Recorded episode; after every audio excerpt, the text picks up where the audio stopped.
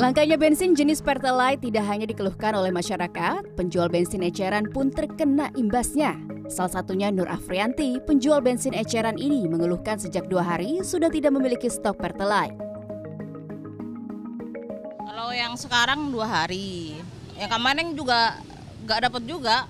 Uh, ya kalau ada supplier itu bilang ada ya datang, kalau nggak ada ya nggak dapat.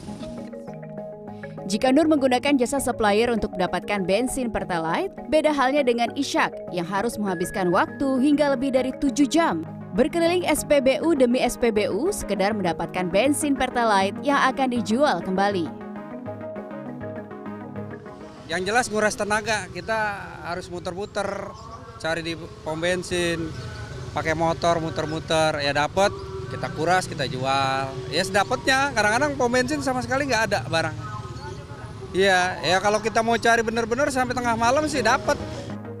Untuk sebagian masyarakat, membeli bensin eceran saat ini dianggap sangat praktis dibandingkan harus antre di SPBU.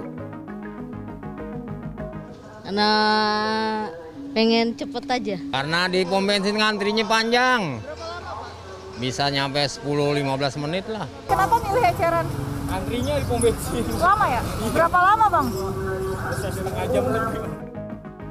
Korporat Sekretari Pertamina Niaga Irto Ginting membantah jika terjadi kelangkaan Pertalite di masyarakat.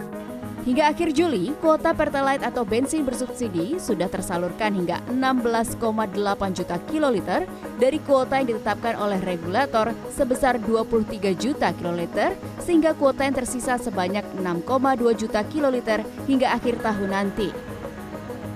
Irto juga mengatakan, saat ini Pertamina sedang melakukan pendataan kelompok masyarakat yang berhak untuk mendapatkan BBM bersubsidi melalui aplikasi yang telah diluncurkan awal Juli lalu. Bagaimana subsidi ini bisa disalurkan tepat sasaran ya. E, tepat sasaran benar-benar kepada siapa yang nanti akan e, menerima dengan sistem nanti yang kita akan adopt nanti itu benar-benar barcode atau QR code yang ada itu nanti akan melekat pada kendaraan.